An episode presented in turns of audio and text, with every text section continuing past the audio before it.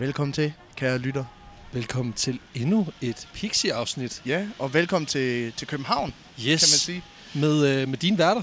Alexander Janku, a.k.a. Ensrettet Folkemund. Og øh, min medvært.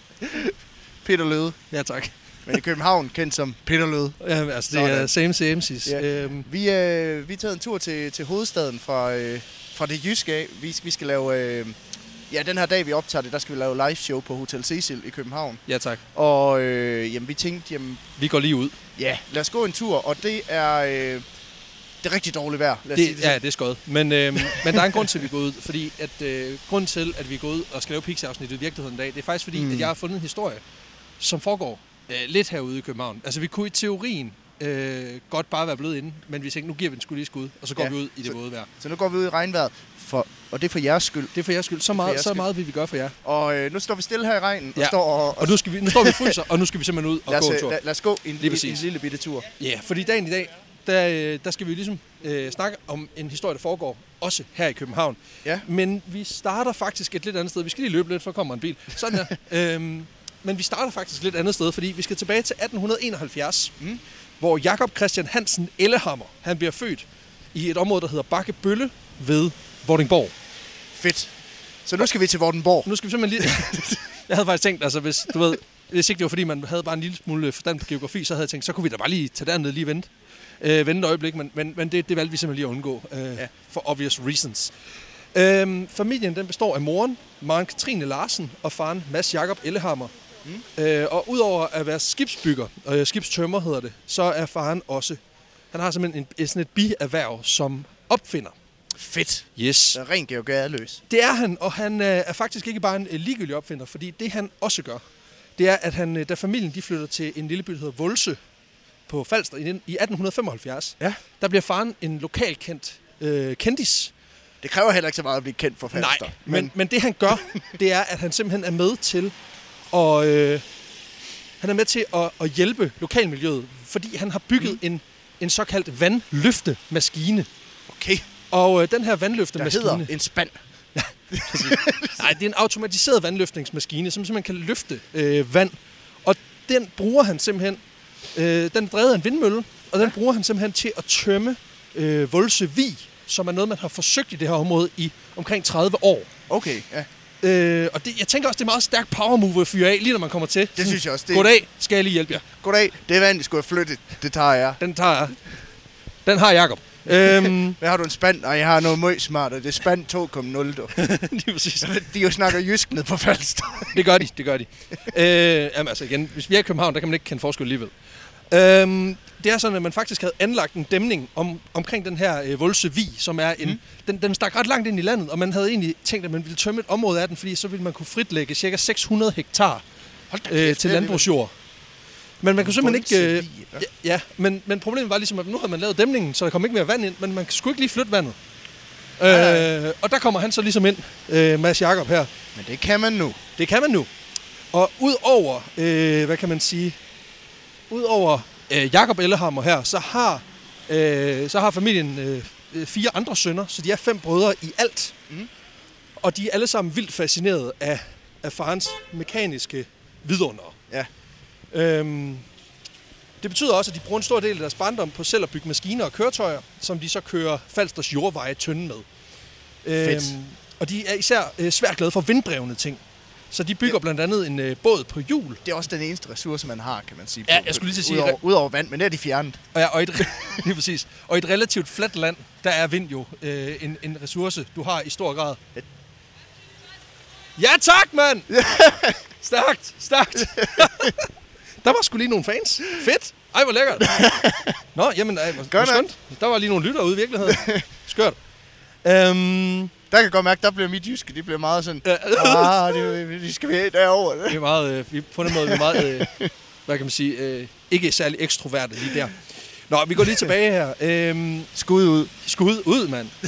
De, øhm, de her fem brødre, de går og bygger både, som de kan sejle mm. øh, på, på landjorden via øh, vinden. Øhm, og så er de også rigtig, rigtig glade for at bygge drager. Og det bruger de en ret stor del Okay. af tid på at flyve rundt på engene i området øh, med deres drager. Og det er altså ikke sådan en billig plastik lortedrage, vi snakker om her. Det er sådan nogle store drager, som de, hvor de simpelthen har, har bygget af farens aflagte. Han laver rigtig mange øh, vindmøller og møller i det hele taget. Så de bruger det vindmølle vingemateriale, altså sådan noget canvas. Mm. Og det bruger de simpelthen til at bygge de her kvadratmeter store drager. Okay, Øh, øh, og dem- det, det er jo måske en potentiel nebengeschæft for Vestas. Ja, det er, ja, ja. øh, at de så ikke lige bruger dem til at lave vindmøller af, de bruger dem simpelthen til at lave drager, som de så kan bruge til at, at, at bære sig selv med. Altså, de, de, Ja, ja, de flyver simpelthen med de her drager i, øh, i slutningen af 1800-tallet, de her fem brødre og hygger. Øh, det lyder jo ikke særlig farligt overhovedet. Nej. Altså, hvad skal I, drenge? Nå, vi skal bare lige ud på øh, engen, og så skal vi lige øh, sætte Kasper op i 100 meters højde med den, af den her drage, som vi har bygget. det virker jo ikke mærkeligt overhovedet. Øh, ja, ja. Jamen har jeg overvejet, om der er noget, der kan gå galt? Altså, udover det er obvious, Hvad, hvad skulle det være? at det, udover at han kunne falde til sin død, så tænker jeg ikke, Som en bliver- anden flat earther. Ja, præcis. Så kan han fucking lære det. Altså, sådan det. øh, der var, der var, der var vir- virkeligheden også hård ved folk dengang. Øhm, den her interesse for at bygge sine egne ting, det var noget, der virkelig mm. tændte den unge øh, Jakob Ellehammer. Og han drømmer om at kunne leve af det. Ja. Men i slutningen af 1800-tallet, der er det jo som om, at det her med at leve af at bygge drager, det er nok en nichebranche, der lige er en kende for lille til, at man kan leve af det. Især på det tidspunkt. Altså nu om Ja. dagen, der kan du lave nicheforretninger for Jeg det. skulle lige til at sige, der findes helt sikkert en eller anden hipster øh, dragebygger, der ligesom, der, der bygger drager bespoke. økologiske øh, Veganske drager, lige præcis. Jamen altså, du ved, lidt ligesom vi har øh, i vores historie om, øh, om the, hvad hedder det, The Choir Boy Bandit, ham der øh, øh, cykelmyggen. Der, der fik jo, han fik, ja. ham cykelmyggen, der fik sit helt eget stel. Så, øh, så, så tror jeg også, det, det gør sig gældende her. Ikke? Altså, der må jo være nogen, der bygger drager, ligesom der er nogen, der bygger custom-made stel. Mm. Mm. Øhm, men når man ikke kan leve af at bygge kæmpe store drager, så går man i den modsatte retning. Så Jakob han lever simpelthen, han forsøger ligesom at gå i den modsatte retning i den forstand, at han begynder at bygge meget små ting. Meget små drager. Ja. små borddrager. øhm, Så når du kan puste til den, så flyver den. lige præcis. Ej, han, øh, han går i lære som urmager. Okay. Øh, fordi at han godt lide det her med at arbejde med det mekaniske og bruge sine hænder til at skabe ting.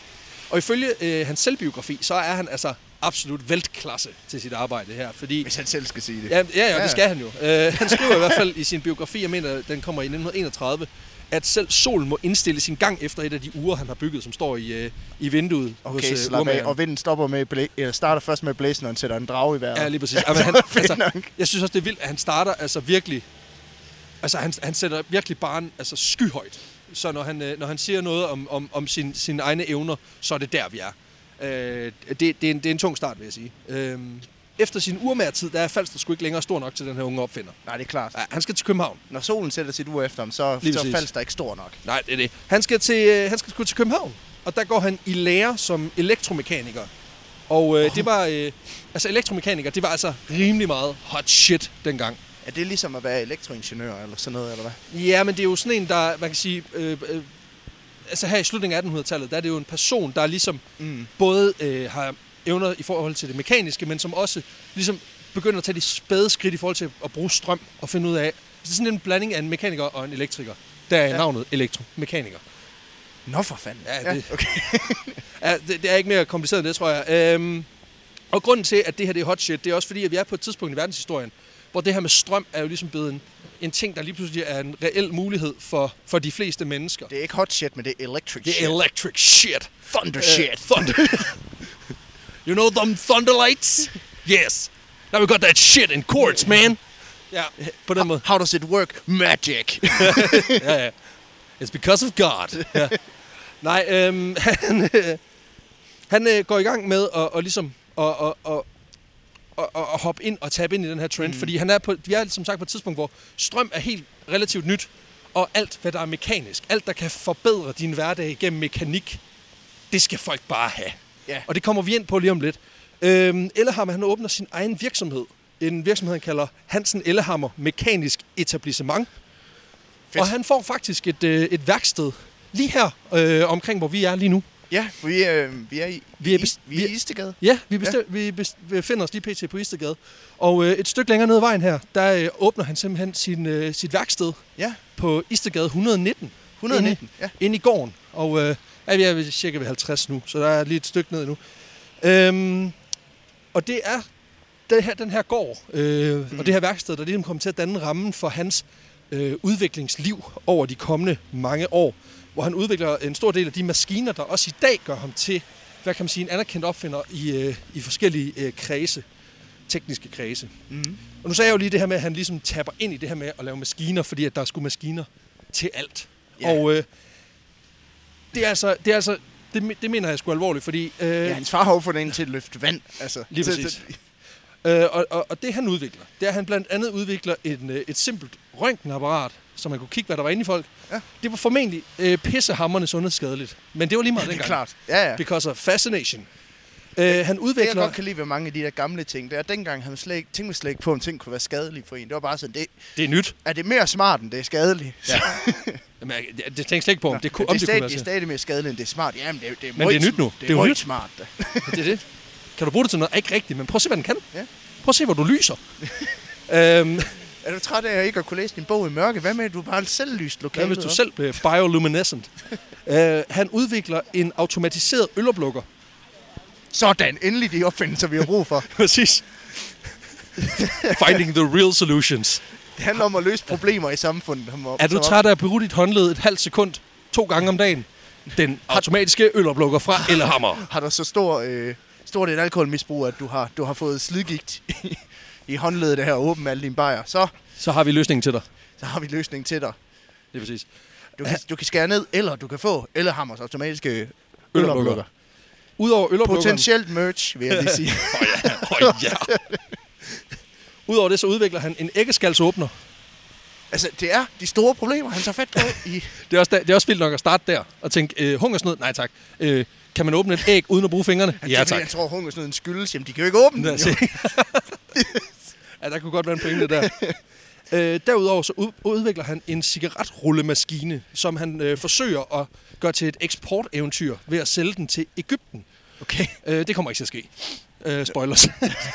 det er en super dårlig Hvorfor, idé. hvorfor Ægypten? Ja, det ved jeg heller ikke, men det var åbenbart der, han, han mente, at der var en eller anden form for, for potentiale. De ryger mange smøger dernede, så er det her, vi gør og kører. Øhm, derudover så udvikler han også en automatisk drikkedispenser, altså sådan et, øh, et simpelt fadølsanlæg. Mm.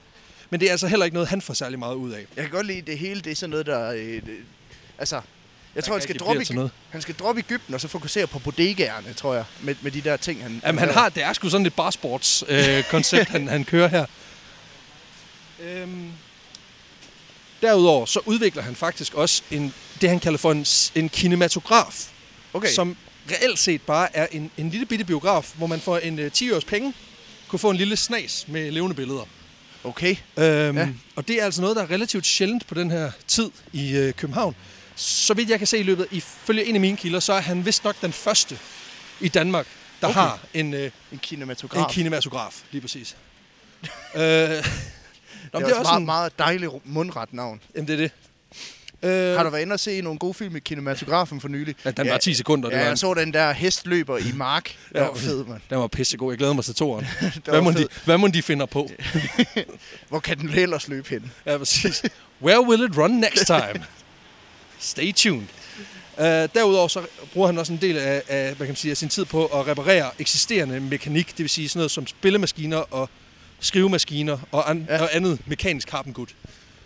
Um, han får i løbet af sin karriere taget cirka 300 forskellige patenter, Hold da kæft. hvilket jo også er, er ret vanvittigt. Det er meget arbejdsom, kan man sige. Ja, men du kan så også høre på de produkter, han udvikler, at det ikke ligefrem er sådan virkelig brugbare produkter. Så. Nej, men altså, det, Men det starter jo i det små, men der er... det lugter af Kickstarter, synes jeg. Ja, altså, lige præcis. Jeg tror sådan nogle, en automatisk øloplukker vil, vil der være nok mennesker i verden, der synes, det var sjovt til, at den faktisk, faktisk godt kunne blive fundet. Det er selvfølgelig rigtigt. Det- det- øhm, Jeg skal Ja, nok støtte det. ja, ja. Dine penge sidder løst, fornemmer jeg. øhm, men han udvikler altså også nogle ting, som, som rent faktisk øh, er brugbare i dag, selvom at, at lige nu der er der mange af tingene, som ikke er det.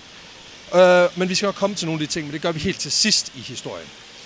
Øhm, en af de store økonomiske sælgerter for den Ja. her mand, han udvikler selvfølgelig også en, som, som, er, som er rigtig god. Ja, Og, selvfølgelig. og en af de ting, han, altså, han når gør man har 300, så er der også en af dem, der er nødt til at ramme rigtigt, Ja, kan man sige. og, og, og det er der her. Øh, Det er så ikke en ting, han selv har opfundet, men det er en ting, han har udviklet. Okay. Øhm, han har nemlig øh, skabt ret stor succes ved at lave sin egen specialdesignet motorcykel, Okay. som bliver kaldt for Elleham-motorcyklen. Ah, Øhm, ja. Og han, den udvikler sig simpelthen til at blive den første serieproducerede motorcykel i Danmarks historie.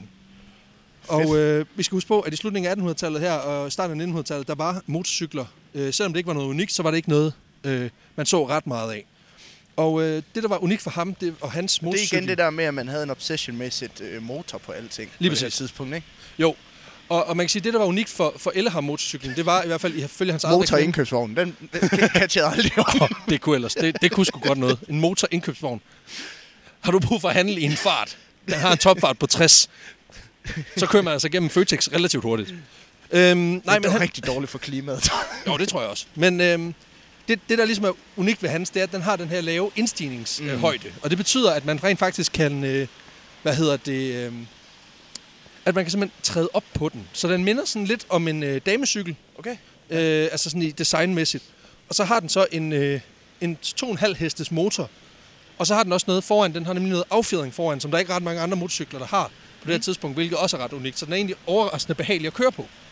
Fedt. Yes, og øh, med en topfart på mellem 50 og 60 km i timen, der er det altså et allerhelvedes monster at køre rundt på i København. Wow. Når man skal tænke på, at vi lever i en tid, hvor det her med asfaltering, det er ikke rigtig en ting. altså, det er brosten hele vejen. Nej, det er lige meget hvor han tager hen, så er det offroad. Jamen, det er det. Altså, prøv at forestille dig at køre 60 km i timen på et, øh, et vøj løbehjul på brosten, og der er ikke affjedring i dækkene. Det, det har ikke været en rar oplevelse, men det var fedt. Ja, Det er bare at sige, ikke? Øhm, den her øh, motorcykel, den var, den var ret fantastisk dengang. Og øh, det der så var med det, det var jo også, at den var så også afskyelig dyr.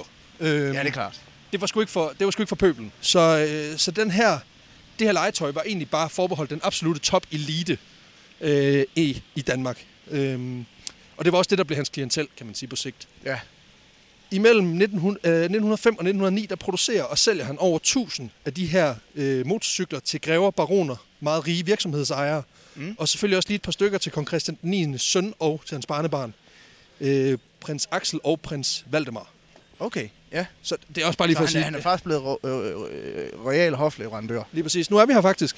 Nu er vi her. Nå, Ja, det er, det er simpelthen gården til, øh, til Istegade nummer 119. der er også et skilt. Der er simpelthen over, skilt. øh, Det er så stor grå dør.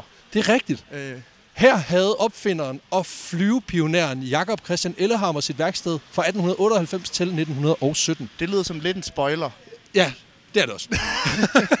Sådan det. Jamen, du ved, hvor, så ved vi i hvert fald nu, hvor vi er vej hen. Der bliver, øh, der bliver oprettet en, øh, faktisk oprettet en Elleham Klub, Okay, ja. øhm, som, som i bund og grund, hvad kan man sige, egentlig bare er et sted, hvor rige og indflydelsesmennesker de kan vise og dele deres interesse for, for motorer og mekanis, øh, mekaniske opfindelser.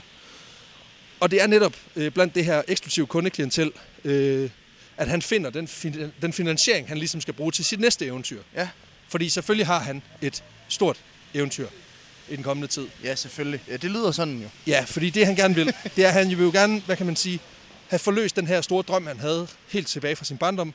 Han vil nemlig gerne op og flyve. Yes.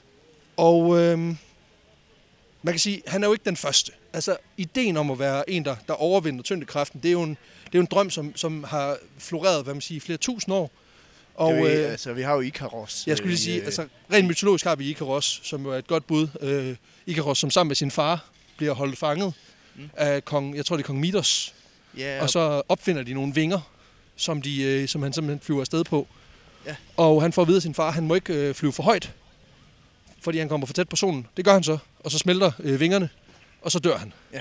Og sådan det. øh, Slut.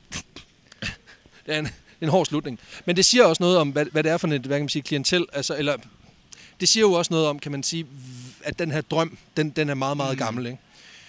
Øhm, hvis vi skal kigge på den virkelige historie, så øh, kan vi snakke om at nævne den flyvende benedikti- benediktiner munk, Isler of Malmesbury, som Okay, ja. udover at observere og beskrive himmellegemer, også forsøgte at flyve i øh, slutningen af 1000-tallet. Og det gjorde han simpelthen ved at binde øh, en vinge fast på sine hænder og fødder, altså en stor Ja, ja, ja. vinge, han havde lavet.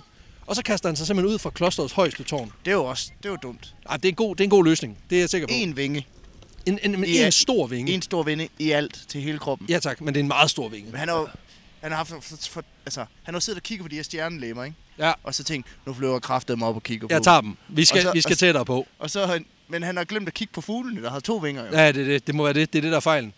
Uh, ifølge en tekst med navnet Gesta Regum Anglorum, som er skrevet af William af Malmesbury, som uh, levede Mm. uh, i starten af, uh, eller, af starten af 1100-tallet, der svæver Eilmer her. Han svæver lige omkring 200 meter, før vinden den får lidt uheldig fat i ham. Klasker ham fuldstændig hårdt ned i jorden, og så brækker han simpelthen begge ben. Ej. Og han er simpelthen lam resten af livet. Ej, så ligger han der som sådan en smør flue. Det gør han, og øh, er ja, det er sgu noget lort. Men altså, igen, han er jo benediktiner munk, og så har man jo liv- living the sweet geistly life.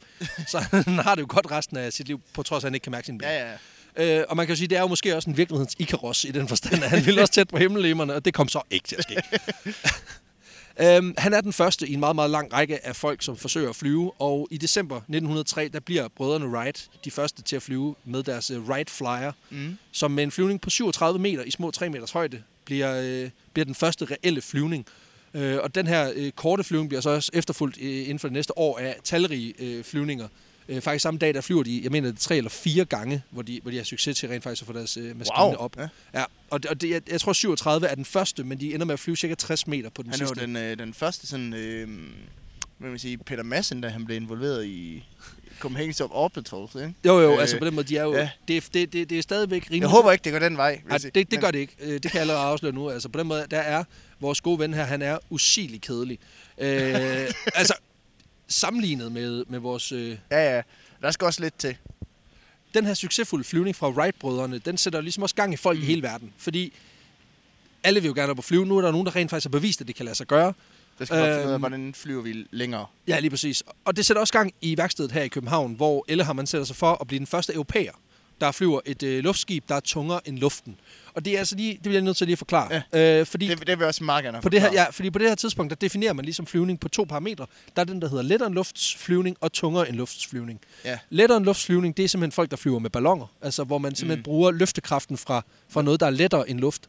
og Okay, tungere ja. end luftsflyvning, det er simpelthen folk, der flyver, hvad kan man sige, via et luftskib, hvor man overvinder tyngdekraften mm. for, at, for at, at komme... Og, altså, man bryder simpelthen tyngdekraften. Ja. ved at have noget mere kraft, som man så omdanner til, øh, til hvad hedder Så det, uplift. det er ligesom en almindelig... Øh, En flyvemaskine. øh, flyvemaskine. Lige ja, præcis. Lige præcis. Ellerhammer han sætter sig til tegnebrættet og starter med at arbejde på at lave en letvægtsversion af hans motorcykelmotor. Mm. Og i 1905, der får han faktisk udviklet en stjernemotor, som egentlig bare er tre af hans øh, motorcykelmotorer, der er bygget sammen, men sådan over for hinanden, så de danner et stjernemønster.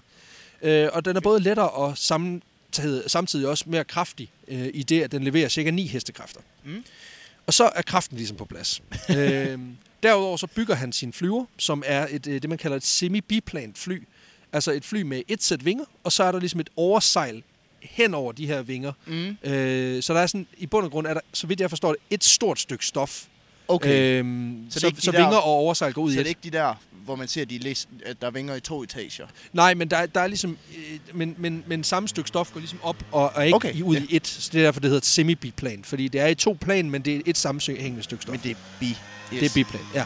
Okay. Øhm, det hele det er samlet af nogle... Øh, ja, det er, det er lidt teknisk, men altså, folk må lukke, så- lukke øjnene og forestille sig det. Øh, hvilket de jo selvfølgelig ikke kan, fordi min beskrivelse er meget begrænset. Men lad den nu Det er prøve noget alligevel. med, noget med to planker og sådan noget stof, De er cirka så lange her. og så hedder det semi-biplan. Så kan I jo tænke jer til Så kan det. jeg tænke til, så kan I selv gætte resten. øh, hele den her konstruktion, den er samlet af sådan nogle hulrør, og i midten der sidder så motoren og noget, der minder meget om en cykelsadel og et håndtag at holde i. Ja. Øh, så vidt jeg forstår, så er det ikke et håndtag, man kan styre, men et håndtag, man kan holde i for ligesom at holde fast. Okay, Øh, så han, den kan, den kan kun flyve. lige præcis. Han har simpelthen bygget sådan en, fly, han har bygget sådan en flyvecykel. Sådan set. øh, I teorien i hvert fald. Eller Så har man, motor på, så har han lavet en flyvemotorcykel. jamen, jamen, jamen, der er en motor på, så det er en flyvemotorcykel. Det, det er faktisk rigtigt. Det er en flyvemotorcykel. Han viser den her maskine mm. frem for medierne, og kan ligesom fortælle, at han, han selv i hvert fald er rigtig sikker på, at den her den skal ja. virke. Og det gør den, fordi ifølge hans beregninger, så skal den veje mindre end 8 kilo per kvadratmeter bæreflade, altså per kvadratmeter af, af stof, der ligesom kan løfte ja, Ja, den, der skal den veje cirka 8 kilo. Og det gør den, øh, han okay, har lavet her. Så i teorien, så burde den kunne lette med et menneske på. Og det er måske lidt vigtigt at forstå, at Ellerhammer, han er ikke fysiker. Nej. Han er ikke øh, matematiker. Han er mekaniker. Ja. Han er opfinder, og er, Han ved, han hvordan man bygger lortet. han er god til at opfinde løsninger. Han er ikke god til at finde dem. Øh, og det betyder, at hans tilgang til aerodynamik og opdrift formentlig er meget mere baseret på, hvad kan man sige, den observerbare del, end på lange stør- snørklede ligninger. Og det er det, Wright-brødrene, de jo egentlig havde styr på. De var ret gode til det her, til taldelen også. Øh, hvor øh, Elhammer har lidt mere en trial and error tilgang til tingene. Ikke? Ja. Øh, han er på den måde også et meget godt billede af 1800-tallet. Fordi dengang havde man meget mere en øh, Hackshaw, vi bygger, MacGyver bygger tingene, og så fintuner vi dem til at virke. Øh, mere end at gå til det med en videnskabelig metode. Ja, ja. I hvert fald inden for det her øh, ingeniøragtige felt. Det er klart, at øh, folk, der er observeret inden for kemi og fysik, de havde en lidt mere hvad kan man sige, videnskabelig tilgang. Men her, i forhold til at bygge og skabe ting, mm. Der var han mere et billede af 1800-tallet end af 1900-tallet. Okay, man kan også sige, at man har jo meget det der... Altså, faldskærm er jo blevet opfundet på en eller anden måde. Der er jo, altså, de har jo prøvet en del gange at hoppe ud fra den klippe, ikke? Lige Og så på et eller andet tidspunkt, så brækkede han ikke benene, og det var Ja, også meget fedt. Så fandt han ud af, at stoffet var tilpas stort til, at der ikke var noget, der gik i stykker. Lige præcis. Øhm, det, der er problemet nu, det er, at øh, vores ven her, han mangler ligesom et sted at teste den her maskine, mm. han har fået bygget. Fordi han har fået skaleret og fået, øh, hvad man sige, principielt fået bygget en flyvemaskine. Ja. Han skal ligesom have fundet et sted at teste den her, og det kan man åbenbart ikke gøre i øh, Københavnsområdet. Så han søger til sin hjemmeegn, og øh, via en god kontakt og en Ned god til ven. Falster. Lige ned til Falster, ja. Og så... Øh, Hvor de åbenbart snakker fynsk nu. Ja, de, de, ændrer, de ændrer dialekt for hver gang, vi nævner Falster. Nej, men, men, men man kan sige, han har jo nogle gode connections op i de højere luftlag, mm. så det han gør... Ja, no pun intended. så det han gør, det er, at han hiver fat i nogle af sine rige venner, og han får fat i en øh, grev Knud af Knudenborg. Grød Knud og Knud Uh. Grev Knud, der er Knudenborg. Nu snakker de Bornholm. Ja, det og lidt svensk også. Og Grev Knud, han hugger ham simpelthen op, fordi han har et sted, hvor han kan, han kan teste sin flyver. Det er en lille ø ude i Stegebugt, som mm. øh, for ikke så mange år siden faktisk fik en øh, revival i mediemøllen. men, men ikke ligefrem for, for, for flyvning. Øh, vi snakker selvfølgelig om Lindholm. Ja. Vores øh, dejlige lille fine ø, som i dag skulle have huset en masse flygtninge, som en form for fucked up dansk Alcatraz. Mm. Øh, men det, det kommer ikke til at ske. Nej. Så i dag der har, man, øh, der har vi DTU Lindholm i stedet for, som øh, beskæftiger sig med virussygdomme inden for kvæg. Og det er også fedt. Jeg kunne bedre lide den omkring øh, skiftet fra 18 til 1900. Jeg kunne, jeg jeg kunne også bedre lide, da, ja, Dengang er de fløj, de fløj derude. derude. Men det er, måske, det er måske det, de har hørt. Det er derfor, de ville ikke have, at de skulle derud. Sådan, for de flyver bare væk, de indvandrere jo. Ja, det er det. De flyver bare tilbage til, hvor de kom fra. Og det er måske... Det er meget racistisk, men også meget sjovt. Ja. Den tager vi med. Vi tager den med. øhm, Lindholm bliver stedet, hvor Elhammer han skal få sin øh, øh, flyvemotorcykel øh, hjemmebygget ting her til at, at, mm. At flyve. Han får sine brødre til at gå i gang med at konstruere en landings- og lettebane og etablere også samtidig Danmarks første hangar på den her ø. Uh, ja. Der er dog et lille twist, fordi det her anlæg, der bliver bygget, den her landingsbane, han får bygget, det er ikke sådan en landingsbane, som du og jeg kender den. Nej. Øh, den er rund, Men Det er mere en helikopterlandings... ja, det kan man sige, men, men så bare til flyver. og, og det, der ligesom er Good luck. Ja, men det, der ligesom er finten i det her, det er, at han, øh, han får fastgjort en stor pæl i midten af den her landingsbane, og så bliver, øh, så bliver maskinen simpelthen, spidsen bliver simpelthen tøjet til den her pæl. Og Grund, grunden, fordi han er bange for, at den stikker af, eller hvad? ja, fordi grunden er... Nå, det, ja, den, jo, den letter jo bare. den letter jo. Og, og, og det, der også er problemet, det er, at Lindholm er en relativt lille ø. Øh, der er ikke ligesom et langt, hvad kan man sige, lige stykke. Øh, så man laver den simpelthen rund, og så undgår man simpelthen øh, ved at tøjre mm. den, at, at flymaskinen falder i vandet. det er sgu da meget Så på den måde kan man sige, at jeg tror ikke, han har haft Jeg troede, det var lige, det, det, tænkte lige et øjeblik, det var ligesom at tøjre sin hund sådan ud for netto. Altså, det bliver ved med at køre ring, indtil det den er helt inde på og nu venter du der og flyver, så går jeg... Jeg tror ikke, at han har haft øh, sådan øh, totalt meget stort udvalg af øer, Nej, er mit indtryk. Altså ellers så ville han sgu ikke have endt med at vælge en ø, hvor han skulle lave en rund landingsbane. nej. Og det kommer også til at bide ham i røven senere, men det, det kommer vi til. Okay, ja. Øhm, I januar 1906, der står anlægget så småt færdigt, og Ellerhammer han går i gang med sin første tests.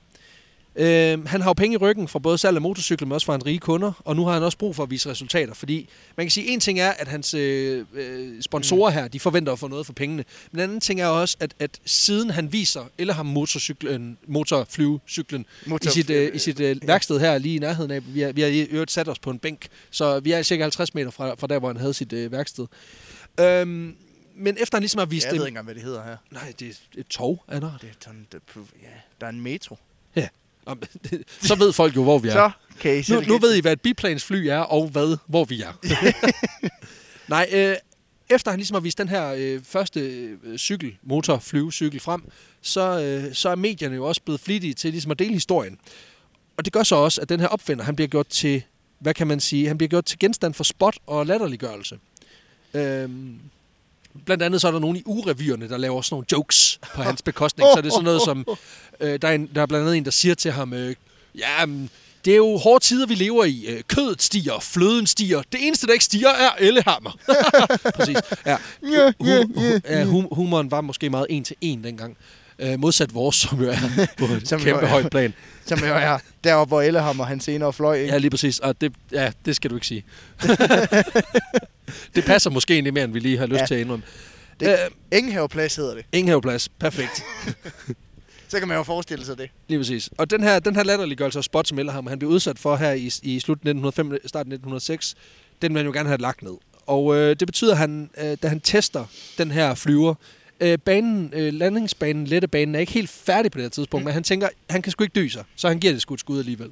Så han sætter øh, maskinen i svingninger, og øh, uden pilot på, skal det Ja, siges. ja.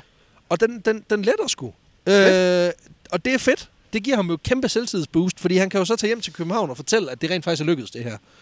Øhm, og han er overbevist om, at nu vil han være den første europæer til at, at, at flyve. Øh, det giver ham jo netop også lidt skyts mod de her haters. Eller hans trolls. Lige præcis. øhm, det har været sværere at troll dengang. Ja. Ja. Så der skulle du troll gennem revyen. Ja, eller igennem avisernes klummer. Og det var lidt svært. Der var få trolls dengang. Der var magten, den var mere centraliseret, end den er i dag. Det viser sig jo så også, at at det her med, at han rent faktisk lykkes med at få en maskine mm. i vejret, det giver ham jo også noget, noget, noget, hvad kan man sige, noget selvtid, men det giver ham også noget anerkendelse udefra.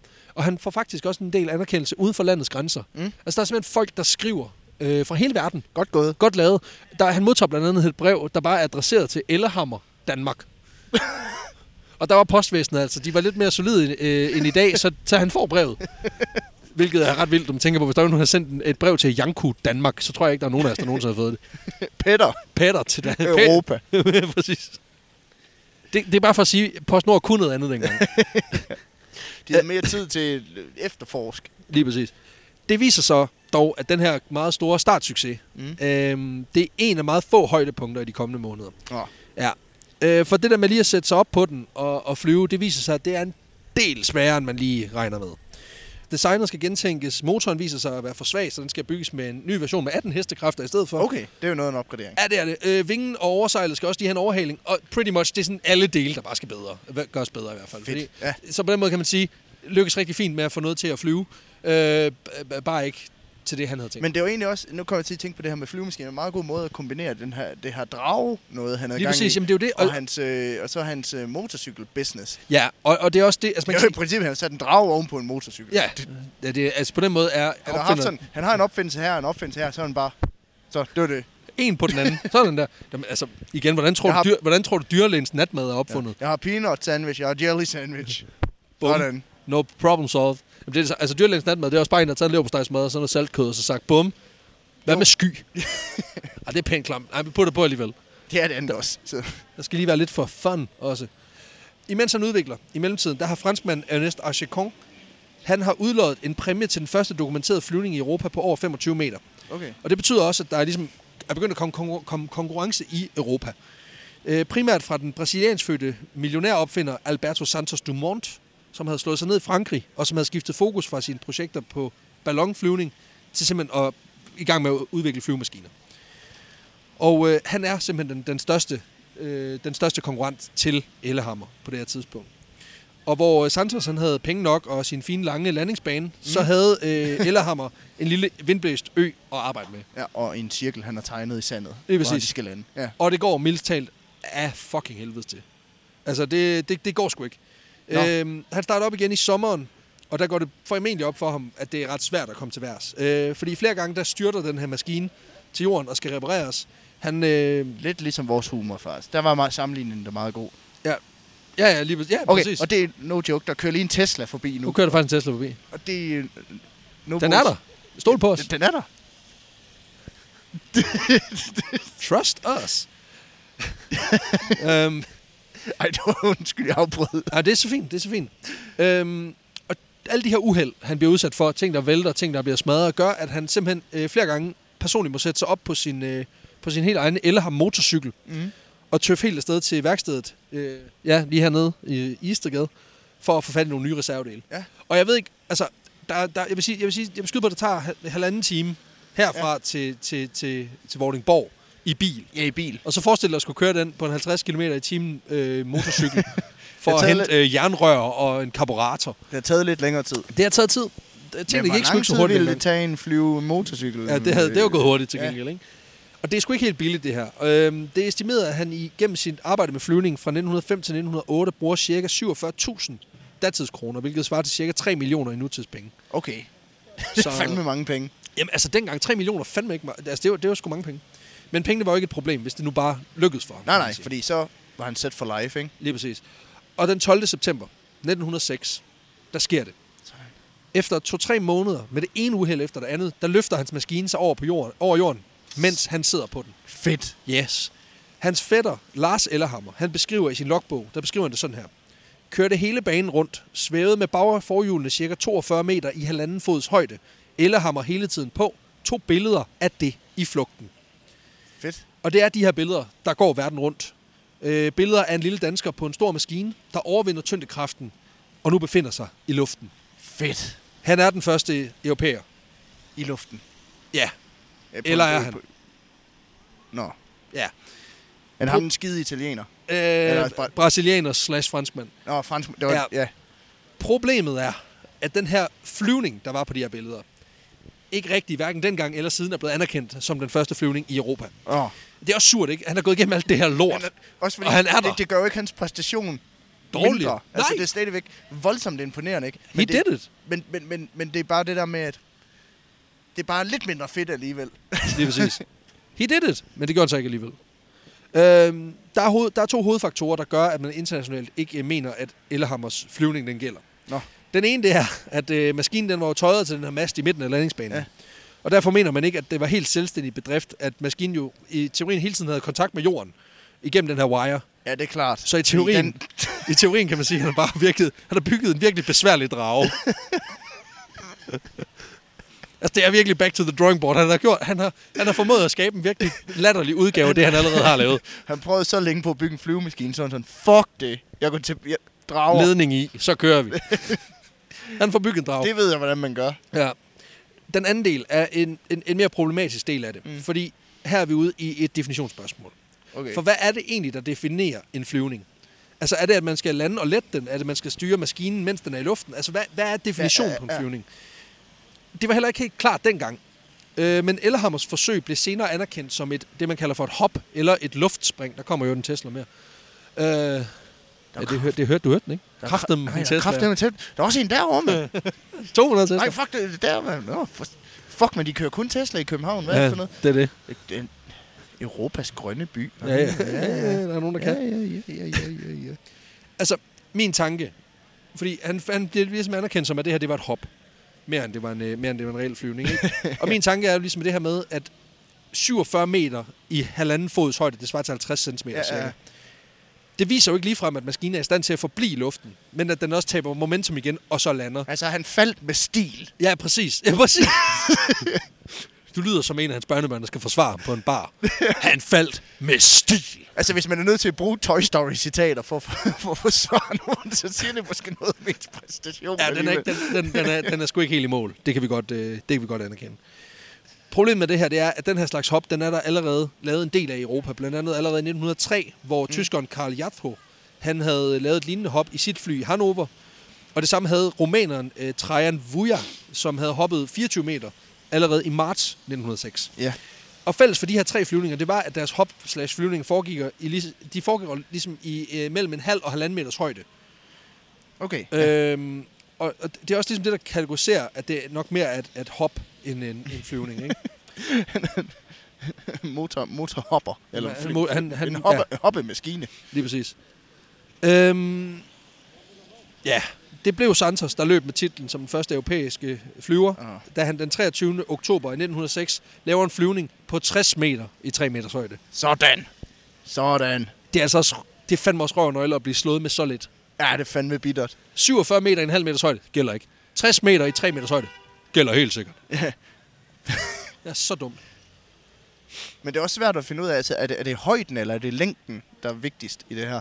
Ja, det er jo et spørgsmål, folk har stillet sig selv i århundreder. øh, jeg, tror, jeg tror, at det er en kombinationsting her. Altså, jeg tror, at det her med, at den foregår i, i altså man kan sige, i 3 meters højde, det gør ret meget, Ja. tænker jeg. Det er i hvert fald den Ej, det er her, alligevel også et stykke op. jamen det er det. Og det er i hvert fald den her præstation, som bliver anerkendt af Mm. Aero Club de France, og det er også det, der senere bliver bredt anerkendt. Okay, ja. Ellehammer bruger så en del af sit senere liv på ligesom at modsige det her internationale paradigme, blandt andet ved at skrive en bog, hans selvbiografi, som hedder Jeg fløj. Lidt aggressiv titel, når man tænker på, tænker på, at der ligesom ikke er nogen, der anerkender den præmis, han arbejder under. Øh, ja, det er, sgu ikke, øh, det er sgu ikke helt perfekt, men altså, sådan det. Han må leve med det. Øhm, man kan sige, det der også er i det, det er, at Ellehammer... Der kommer... Jamen, det, okay, vi kan lige, lige, lige godt, vi kan talsætte det her, som ingen af vores lyttere kan se. Det, der sker lige nu, det er, at vi står Der kommer over... også en Tesla. Der kommer også en... Oh, nu kæft. En Tesla. Nej, det der sker, det er, at vi står øh, lige på kanten af den her Ingholms plads, og øh, skråt over for os, der er der en kø. Jeg vil skyde på, at der står 400 unge mennesker. Over til noget, der hedder Sidewalk Shop. Ja. Det, Og det, der sker, og det kan jeg jo fortælle dig, fordi det ved jeg, Nå. det er, at der lige pt, øh, jeg kan forestille mig, det er i dag, der bliver udgivet en ny sneaker fra Travis Scott, øh, som er en amerikansk rapper. Ja, ja, ja. Der bliver udgivet en, S, en, øh, en Nike SB Dunk Low Travis Scott øh, Cactus Jack øh, hedder skoen. Øh, rigtig, rigtig fin. Jeg forsøgte faktisk at få den på, på release-datoen på, øh, på hans øh, merch-shop, men det kom ikke til at ske. Så der står en masse unge mennesker, der gerne vil købe en sko. Jeg ved, at den i forud... Altså, hvis du kan faktisk forudbestille den. Jeg kender et par stykker, Mm. der, der kan skaffe den. Den koster 8.000 kroner i forudbestilling. Og den koster cirka 1.600 kroner inde i butikken. Så det er bare lige for at sige... Øh, altså, dem, der står forrest i køen her, de står til at tjene, hvis de gerne vil sælge den, så, så står de til at tjene mellem 4 og 6.000 kroner. Så, øh, så held og lykke til dem. Så tillykke det her. Ja, lige præcis. Øh, det er men der er lidt run på herovre. Altså, Ja, det må man øh, sige. Jamen, altså, det, det, er jo ikke, altså, køen er i hvert fald 150 meter lang. Ja, ja. Hvis den går rundt om hjørnet, så ned, og så går den sikkert også rundt om det tredje hjørne. ja, så der sker en, en hel masse. Ja, lige præcis. Nå. Det er et studie i bæltetasker og Supreme-tøj, det her. Det er, ja, det er meget det fint. Vi Vi oplever tilbage. noget, når vi kommer til hovedstaden. Ja, Ja, det må det- man sige det. Det er det. Men nu skal Så vi altså, lange køer har vi ikke i Jylland. Det har vi ikke. det er jo det. Og nu skal vi altså tilbage på sporet. Nu kommer der sat med en løvende mere. Han har fået... Øh, Kun, kun til at komme ind til halvbalder. Du er så jysk. Du er så mega Jeg jysk. skal nok stoppe nu. øhm, man kan sige, at han udgiver den her bog, Jeg Ja. fløj, for ligesom at cementere, er fløj. Ja. Problemet er... Så behøver man ikke rigtig læse bogen, når, det, når det, hans pointe står i titlen. Nej, men sådan er det jo med mange bøger. Altså. men, men det, der ligesom er lidt man kan sige, problemet ved det her med, at han selv er overbevist om, at han fløj, det er, at han cirka 14 dage efter øh, det her forsøg på Lindholm, hvor han flyver, altså i september måned, der, øh, der pakker han hele forsøget sammen Okay. og forlader øen, hvilket er sådan lidt suspicious. Og i så det, ikke? op. Nej, det er så eller det, nej, fordi der er blevet spekuleret i, om han vidste, at hans maskine i den Mm. form, den havde, ikke ville kunne flyve, og så derfor han ligesom pakker det ned. hvad? Nå. Men den officielle forklaring, og det han selv siger, det er, at han efter den flyvetur, han har lavet i øh, september måned, der betragter han flyvningsproblem som løst. Nå. Jeg har gjort det. Ja. Færdig. Det handler ikke så meget om at udvikle en flyvemaskine. Det handler bare mere om At være den første. om ja, at vise, at man kunne udvikle en flyvemaskine. Lige præcis. man virkelig gad. Ja, og man kan sige, at han fortsætter faktisk også med at arbejde med flyvningen ja. i andre facetter. Øh, han arbejder lidt med noget vandflyvning på et tidspunkt, mm. og han udvikler i, to, i 1912... Det er også en kombination af... Ja, det er det, der altså. vand, det, det er at løfte vand. Nå nej, fordi de flyver ikke med vand. De flyver bare på. De flyver bare på vand. Ja, Men altså, han, er, han, er, Ja, ja, han okay. udvikler simpelthen... Ja, han kaster sig over noget vandflyvning på et tidspunkt. Han udvikler i 1912 en helikopter, som Okay. i oktober samme år faktisk hæver sig med en pilot på, ifølge ham selv. Ja. Det er jo ikke rigtig... Altså, jeg har ikke lige kunne Nej. få verificeret det, men det kan sagtens være. Øh, Det, det fortalte han om i bogen. Øh, med en helikopter, den løftede sig faktisk øh, med en mand på. altså, på den måde, der er hans titler, de minder meget om vores øh, gode ven fra realismen. Jeg Aliens tog mig med til deres planet. Er fløj. same, same. Og vi ved jo, at sandheden den kommer, når titlen den siger det hele. I, uh, I juni 1908, der deltager han i en større flyvekonkurrence i Kiel, hvor han flyver 50 meter med en Nå. videreudvikling af den her Okay. flyver. Så, Ja. han, så han udvikler jo faktisk på den. Han vinder en præmie på 5.000 mark, hvilket svarede til 4.500 kroner dengang, som jeg så har kunne regne ud, svarer til cirka en kvart million i nutidspenge. Okay, så der er blevet omregnet. Ja, ja, ja. Men der, altså, det er da alligevel også en, Det er en, en det er en- det er kvart en million, det er sgu da ikke lige meget. Øh, han formår dog aldrig at lave det store gennembrud med flyvning, og formår heller ikke rigtig at kommercialis- kommercialisere øh, det her projekt. Han henviser sig selv til, at det er fordi, det er blevet alt for dyrt, og fordi, at, at sådan et lille land som Danmark, det kan vi da slet ikke finde ud af, fordi der skal jo mange penge til en stor investering, og det kan vi slet ikke. Nej.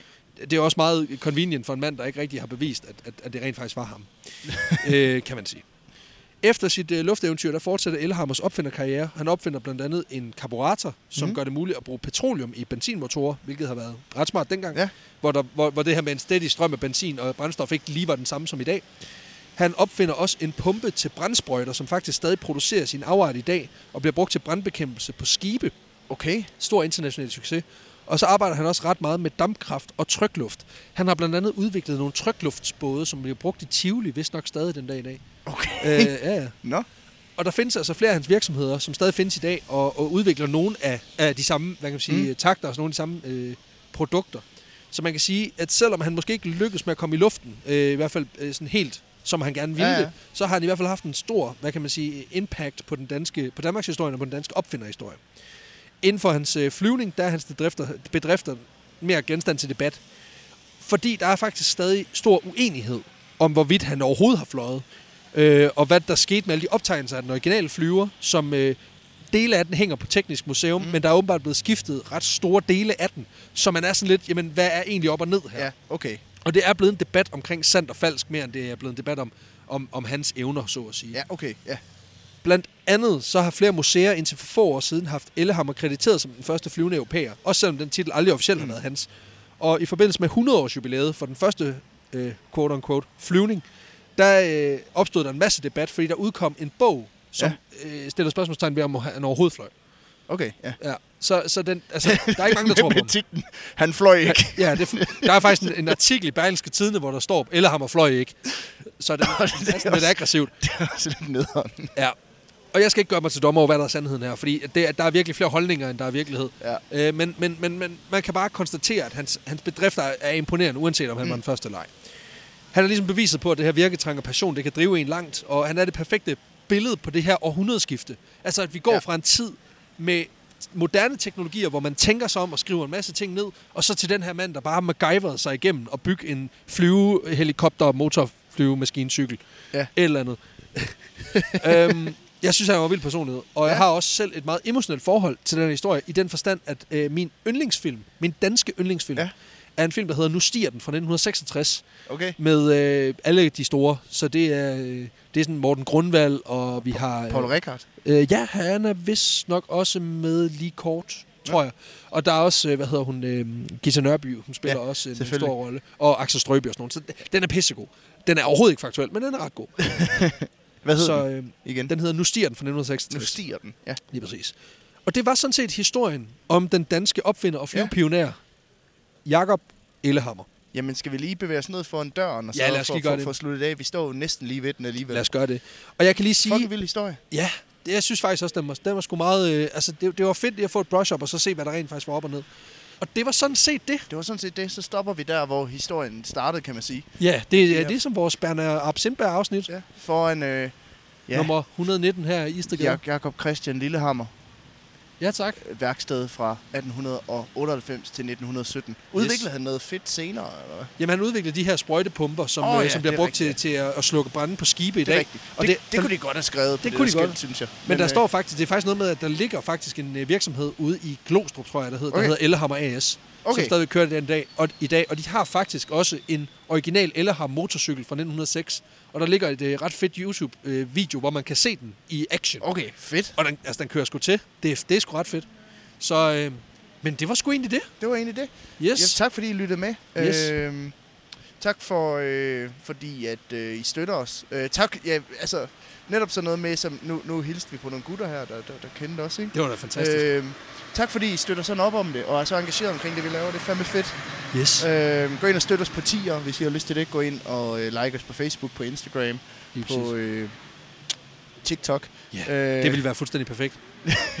Vi er ikke på TikTok endnu. Nej, det, kunne, nej, det er jo mere det, er mere det der med folk, der bare støtter os Ja. og sender en anmeldelse og sådan noget. Ja. Det, det, er, det, Ja, er, det er til gengæld endelig, perfekt. endelig ved med det. Gå ind og giv os, øh, giv os en anmeldelse i, i din, øh, din, din podcast-app. Øh, om det er iTunes eller, eller hvad det end måtte være. Der er som regel en eller anden måde at anmelde på derinde. Og det betyder faktisk noget for, hvorvidt man kommer op og ned i de der statistikker. Og det vil vi jo rigtig gerne. Og det altså vil vi mest, mest gerne. op. Mest op, faktisk. Ja. Og det er de positive anmeldelser, der gør det, kan jeg at sige. Det er det. Så øh, tak fordi I lyttede med. Vi øh, vi lyttes ses ved næste søndag. Hej.